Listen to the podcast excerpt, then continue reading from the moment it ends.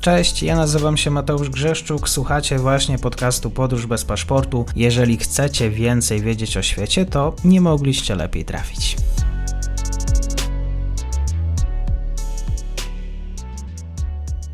Dzień dobry wszystkim słuchaczom. Mam dzisiaj e, przyjemność po raz kolejny gościć. Jest ze mną Miłosz e, Jeromin Cortez, postdoc na Lund University, również Duńskie Towarzystwo Polityki Zagranicznej. Dzień dobry, bardzo mi miło. Dzień dobry, mnie również e, bardzo miło po raz kolejny gościć w Twoim programie.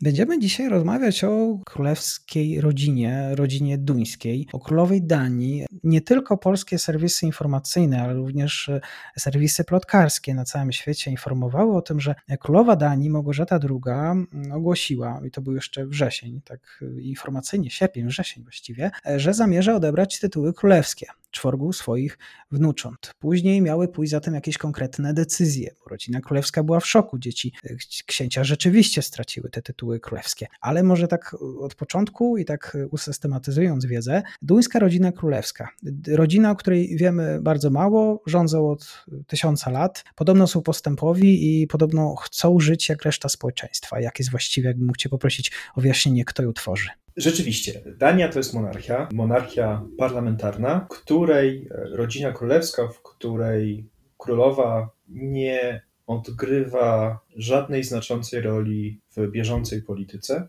Jest głównie symbolicznym reprezentantem ciągłości państwa, jest także takim zwornikiem tego związku między Danią, Danią właściwą e, i częściami autonomicznymi, czyli E, Wyspami Owczymi i Grenlandią.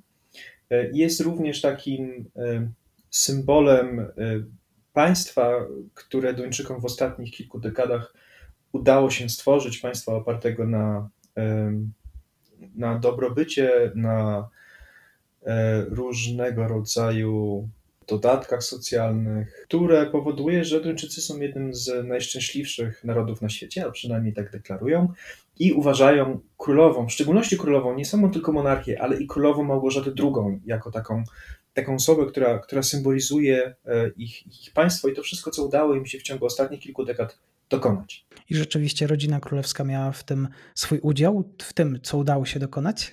Wydaje mi się, że tak głównie dlatego, że nie przeszkadzała. To jest taki proces, który trwa już od ponad 150 lat, od momentu, gdy e, w wyniku, no 170 w zasadzie od, od, od wiosny ludów, gdy, gdy władza króla w połowie XIX wieku była ograniczana, gdy coraz większą rolę zaczął odgrywać parlament, y, gdy całe społeczeństwo duńskie się demokratyzowało, ale i wtedy, kiedy, kiedy Dania przegrała wojnę z, z Prusami, gdy jej terytorium okroiło się o 40%, monarchia była takim, takim zwornikiem, takim symbolem trwałości duńskiego państwa i jego ciągłości. I w szczególności w II wojnie światowej, gdy Dania została zajęta przez wojska niemieckie, które pozostawiły e, kolaborującemu rządowi duńskiemu pewien rodzaj autonomii, to właśnie e, monarcha jako osoba w jakiś tam sposób od, oderwana od takiej bieżącej polityki był symbolem ciągłości państwa duńskiego. A królowa Małgorzata II jest, e, jest bardzo hołubiona przez Duńczyków głównie dlatego, że jest osobą bardzo ciepłą, jest osobą bardzo wykształconą i taką osobą, która ma bardzo szerokie horyzonty intelektualne. Między innymi pisze wiersze, E, rysuje, maluje. Gdy w latach 70. była zafascynowana twórczością Tolkiena, to stworzyła własne ilustracje do jego powieści e, i była z nich najwyraźniej na tyle zadowolona, że wysłała je autorowi. I ukazały się w duńskim wydaniu, wydaje mi się, że Hobbita.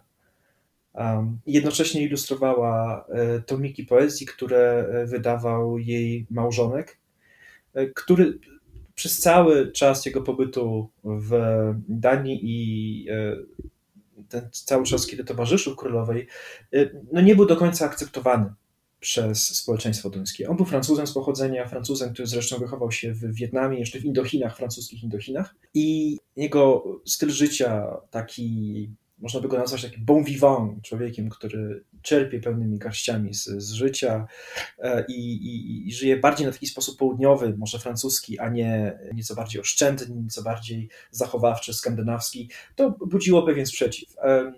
Zdecydowanie nie pasował do, do, do, do, tego społeczeństwa, ale jednocześnie, jednocześnie tworzył taką dość zgraną parę z Małgorzatą II, która właśnie jako królowa musiała troszeczkę bardziej się hamować, musiała troszeczkę bardziej zwracać uwagę na to, jak się zachowuje, a jej małżonek, wydaje się, że świadomie nie chciał, nie chciał podążać w tę stronę. Sama Małgorzata to jest taka osoba, która jest ciepła, która nie angażuje się w bieżącą politykę i która stara się pojawiać wszędzie tam, gdzie ważne są symbole, a nie, nie, nie bieżąca walka, nie bieżący kierunek y, polityki duńskiej, zmian, y, reform, które są wprowadzane przez parlament i przez rząd, rząd duński. Mhm. Chyba nie padła nawet nazwa rodziny Glücksburgowie, zgadza się. Zgadza się, tak jest. Dom Glücksburgów co jest, który jest zresztą gałęzią domu oldenburskiego, który no, na przestrzeni wielu wieków panował w wielu państwach e, europejskich, nie tylko w, w Danii, ale także w, w Zjednoczonym Królestwie, Wielkiej Brytanii e, i w księstwach Szlezwiku i, i Holsztynu, które e, obecnie znajdują się w, w składzie Niemiec. Młodsze pokolenie rodziny królewskiej, kim są ci ludzie?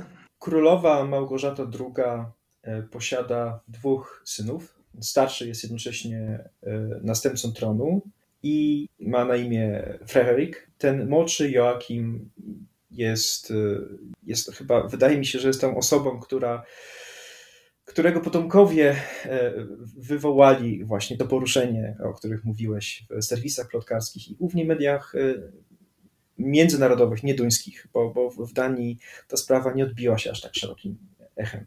Jak się popatrzy na to wszystko, co się dzieje wokół rodziny królewskiej, to widać, że już od wielu, wielu lat y, toczy się dyskusja na temat ograniczania mm, wydatków, które, które ponosi y, duński podatnik na utrzymanie tej rodziny, co jest związane z tym, że e, ta rodzina królewska ma być symbolem, ale ten symbol to jest głównie monarchini oraz jej najbliższa rodzina, w tym przypadku następca tronu, czyli e, książę Frederick. Pamiętam, że kilkanaście lat temu powstała taka amerykańska komedia romantyczna uh, The Prince and Me. Uh, I ona uh, opowiadała historię duńskiego księcia, który no, wiódł żywot takiego playboya. Z jednej strony interesowały go, go dziewczyny, chciał studiować w taki amerykański sposób, z imprezami, z dużą ilością alkoholu. Był też fanem wyścigów samochodowych po, po ulicach Danii, przez co zamykano, w filmie przynajmniej zamykano ulice po to, żeby mógł się ścigać. E, I gdy popatrzy się na to, jak, jak ten film został zrealizowany, jaki, jaki obraz e, Danii i duńskiej monarchii on, e, on nakreśla, to w zasadzie on nie ma nic wspólnego z rzeczywistością. To jest rodzina, która bardzo sztywno stara się, z pewnymi wyjątkami, ale jednak stara się trzymać takiego dość zachowawczego podejścia do tego, co może, co robi, bo wie, że to zostanie odnotowane przez duńską opinię publiczną. E, I właśnie z tego powodu e, już kilka lat temu parlament duński podjął decyzję o tym, aby obciąć fundusze na, na wynagrodzenia, taki rodzaj renty czy, czy pensji dla e, osób z tego, tego dalszego, dalszej części rodziny królewskiej, koncentrując się głównie na, na królowej, na jej najstarszym synu i na jego, na jego dzieciach. Czyli właściwie dyskusja jak w innych krajach, w Hiszpanii, również i Wielkiej Brytanii, dyskusja na ten temat po co i właściwie na co nam jest rodzina królewska. Kiedy rzeczywiście ona ma wymiar tylko taki PR, znaczy wymiar PR-owy, wymiar wizerunkowy. Wspomniałeś o tym, że ta afera, o której też, o którą zaraz cię zapytam, nie przekuła się na publikację w duńskich mediach. Dlaczego akurat duńskie media nie były tym zainteresowane? No bo ile ta dyskusja, o której mówisz, czy, czy w Hiszpanii, czy w Wielkiej Brytanii, ma taki wymiar związany ze skandalami, e, na przykład z polowaniem króla hiszpańskiego, e, z, z, ze skandalami obyczajowymi, na przykład e, wokół księcia Andrzeja w Wielkiej Brytanii, o tyle takich skandali w no, trudno się doszukać w duńskiej rodzinie królewskiej. Sama królowa zresztą to jest osoba, która, która jest głównie kojarzona z takimi bardzo ciepłymi wystąpieniami, albo w momencie, w którym dzieje się coś ważnego, albo w sytuacji, w zasadzie można, jest taki jeden moment, w którym e, duńska królowa e, jest w centrum uwagi całego duńskiego społeczeństwa i to jest jej przemówienie noworoczne. Wówczas przed samym przemówieniem, które z reguły trwa kilka, kilkanaście minut, ludzie gromadzą się przed Pałacem Królewskim w centrum Kopenhagi, ustawia się specjalne studio, studio telewizyjne i dziennikarze, eksperci starają się zgadnąć o czym w tym roku będzie mówiła królowa. I to jest zawsze bardzo neutralna politycznie mowa, dotycząca nie tyle bieżących spraw, ale takich rzeczy, takich wartości uniwersalnych, jak na przykład bycie razem, jak zdrowie w związku z pandemią e, koronawirusa, jak e, wyzwania na świecie, e, bardzo rzadko odnosi się do bieżącej polityki. I to, to jest takie bardzo emblematy, takie dość e, no, reprezentatywne dla tego, co się, co się dzieje z duńską rodziną królewską.